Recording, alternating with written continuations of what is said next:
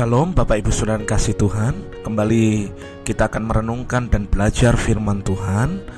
Kali ini kita akan belajar tentang sebuah tema yaitu Iman dalam tindakan. Terambil dari Markus 6 ayat yang ke-53 sampai selesai Perikopnya Yesus menyembuhkan orang-orang sakit di Genesaret. Setibanya di seberang Yesus dan murid-muridnya mendarat di Genesaret dan berlabuh di situ Ketika mereka keluar dari perahu, orang segera mengenal Yesus. Maka berlari-larilah mereka ke seluruh daerah itu dan mulai mengusung orang-orang sakit di atas tilamnya kepada Yesus. Di mana saja kabarnya ia berada. Ke mana pun ia pergi, ke desa-desa, ke kota-kota, atau ke kampung-kampung, orang meletakkan orang-orang sakit di pasar dan memohon kepadanya supaya mereka diperkenankan hanya menjamah jumbai jubahnya saja.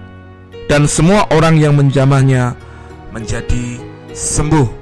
Beda Nasaret beda ke Nasaret dalam beberapa waktu lalu kita belajar bahwa di Nasaret ada banyak hal yang menghalangi mereka untuk melihat mujizat dan mengalami mujizat Tuhan.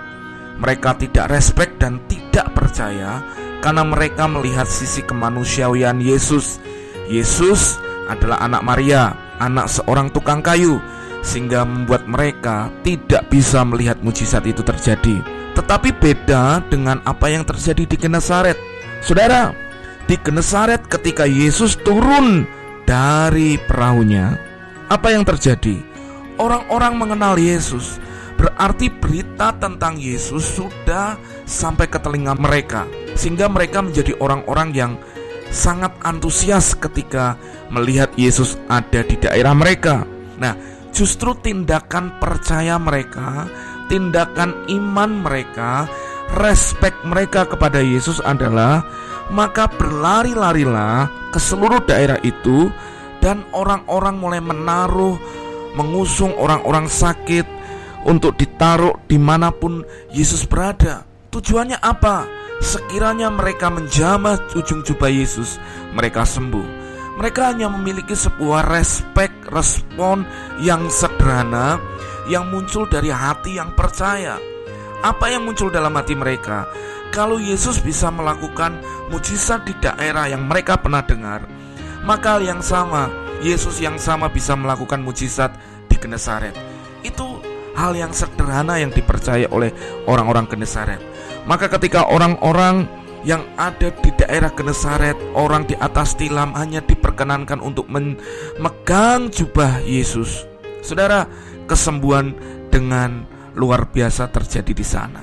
Saudara, inilah yang harusnya kita perlu belajar dari orang-orang Genesaret. Iman tidak akan pernah menjadi iman yang sesungguhnya kalau iman itu hanya kita taruh hanya dalam sebuah pemikiran atau hanya ditaruh di dalam batin kita. Tapi iman akan menjadi sesuatu yang berdampak luar biasa ketika iman menggerakkan kita untuk bertindak, untuk mengerjakan sesuatu dengan agresif. Seperti yang dilakukan orang-orang orang Genesaret. Mereka tidak peduli apa kata orang. Mereka tidak peduli dengan apa yang di sekeliling mereka. Tetapi ketika dilihatnya Yesus ada di situ, mereka berbondong-bondong, mereka dengan antusias, mereka menaruh orang-orang sakit di sepanjang jalan itu. Saudara, di mana pun Yesus berada, di kota, di desa, di kampung-kampung, orang dengan antusias bergerak untuk memohon, bahkan mereka menginginkan terjadinya sebuah mujizat. Saudara, hal yang sama hari ini Apakah engkau menginginkan mujizat Tuhan itu benar-benar terjadi? Jangan-jangan hati kita tidak terlalu menginginkan hal itu terjadi. Kalau saudara sadari sebenarnya, dari saudara bangun pagi sampai saudara menjalani hari-hari saudara, sebenarnya itulah mujizat Tuhan. Berarti tidak mungkin orang hidup tanpa mujizat Tuhan. Tidak mungkin orang itu e, menjalani harinya tanpa sebenarnya campur tangan Tuhan dalam hidupnya.